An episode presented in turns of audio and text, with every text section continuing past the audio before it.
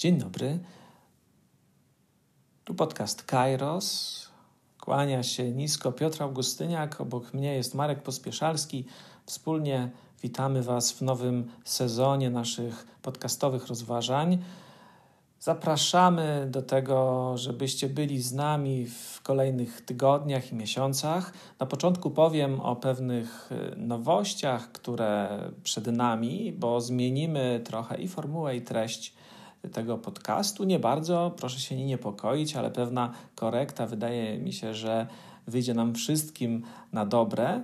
A więc co nowego? Przede wszystkim spróbujemy być z Wami częściej, to znaczy co tydzień, co tydzień dzielić się z Wami naszymi refleksjami. To będą odcinki trochę bardziej zwarte, trochę krótsze, ale za to z większą częstotliwością. Co do treści, spróbujemy tym razem skierować się bardziej ku filozoficznym refleksjom na temat codziennego życia i wyzwań, które ono rodzi. Mówiliśmy do tej pory o takich rzeczach bardzo fundamentalnych, które dotyczyły sensu ludzkiego życia w kontekście śmierci, w kontekście transcendencji, czyli Boga, w kontekście jakiejś nowej duchowości poza religią. Ten fundament udało nam się chyba całkiem intensywnie zarysować. Teraz spróbujmy napełnić go konkretną treścią. To będą rozważania dość impresyjne, dotyczące różnych obserwacji, wyzwań, e, mielizn współczesnej kultury, na które można wpłynąć. To, co nas zaintryguje, to, co nas wkurzy, to, co da nam do myślenia, to wszystko tutaj się pojawi i będzie wybrzmiewać. A więc e, nowy sezon uważam za otwarty. Zanim przejdę do pierwszych refleksji, chciałbym prosić Was o wsparcie naszego Y, podcastu w systemie Patronite. Przewidujemy pewne formy wdzięczności, a więc zróbcie to koniecznie. Druga rzecz to Wasze lajki, Wasze y, oceny i komentarze. Bardzo o nie prosimy. To pomoże nam zwiększyć zasięgi i dzięki temu dotrzeć do innych osób, dla których te rozważania mogą być cenne. To tyle z mojej strony na początek. Teraz oddaję głos Markowi Pospieszalskiemu.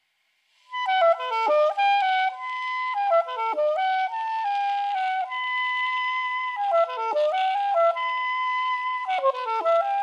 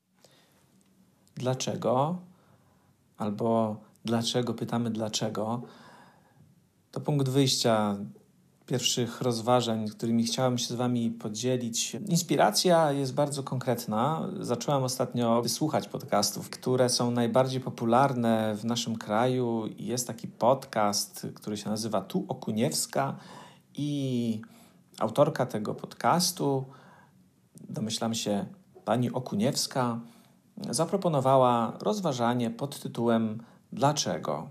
Spodziewałem się, że to będzie coś filozoficznego, co może pokaże mi, jak mówić filozoficznie, żeby być słyszalnym.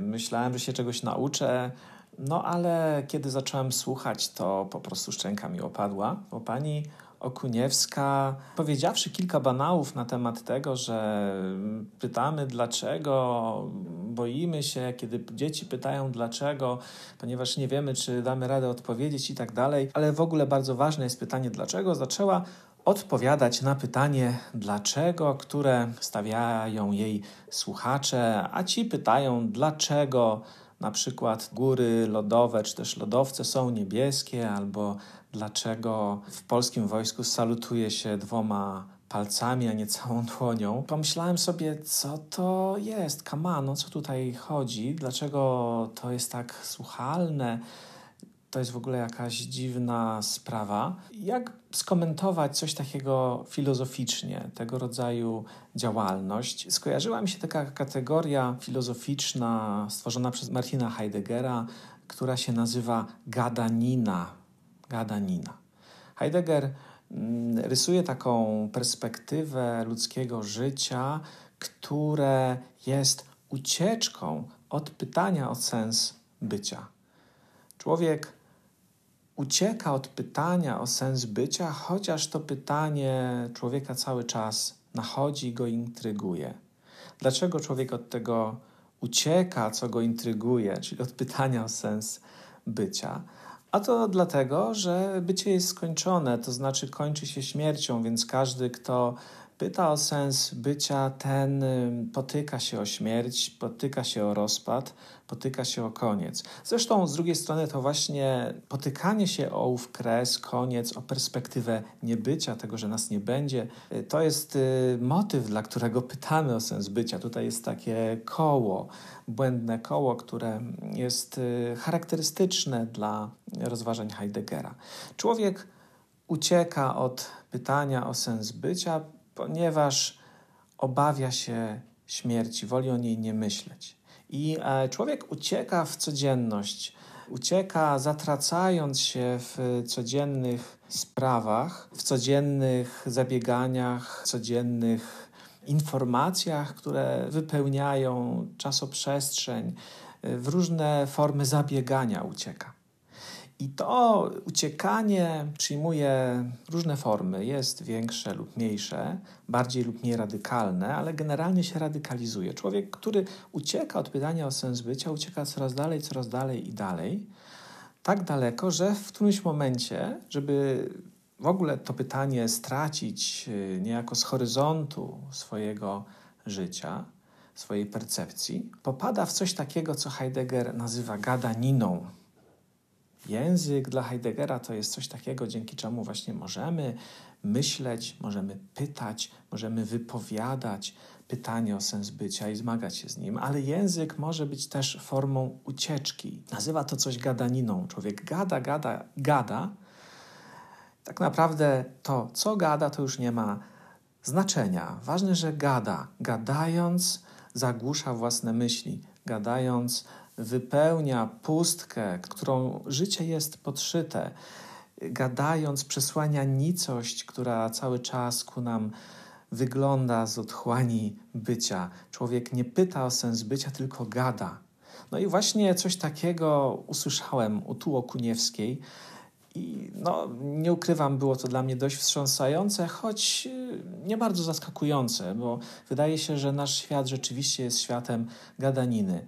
A więc Okuniewska tłumaczy, dlaczego dlaczego lodowce są niebieskie, dlaczego na Islandii nie ma lasów i dlaczego w polskim wojsku salutuje się dwoma palcami. Opowiada różne, różne ciekawostki po to, żeby wypełnić czas i zająć czymś swoich y, bardzo licznych słuchaczy. No, coś takiego wydaje mi się bardzo na antypodach tego, co próbujemy tutaj robić, więc postanowiłem nieco dla odtrutki o tym, dlaczego, dlaczego i dlaczego pytamy dlaczego, powiedzieć coś więcej, nie uciekać w jakieś e, banalne opowiastki, nie uciekać w ciekawostki, ale zmierzyć się z tym, dlaczego pytamy dlaczego i co to w ogóle znaczy dlaczego. Słowo dlaczego, kiedy wsłuchamy się w jego strukturę, ono ma w sobie dwa człony. Jest dla i czego. Odpowiedź zwykle zaczynamy od słowa dlatego.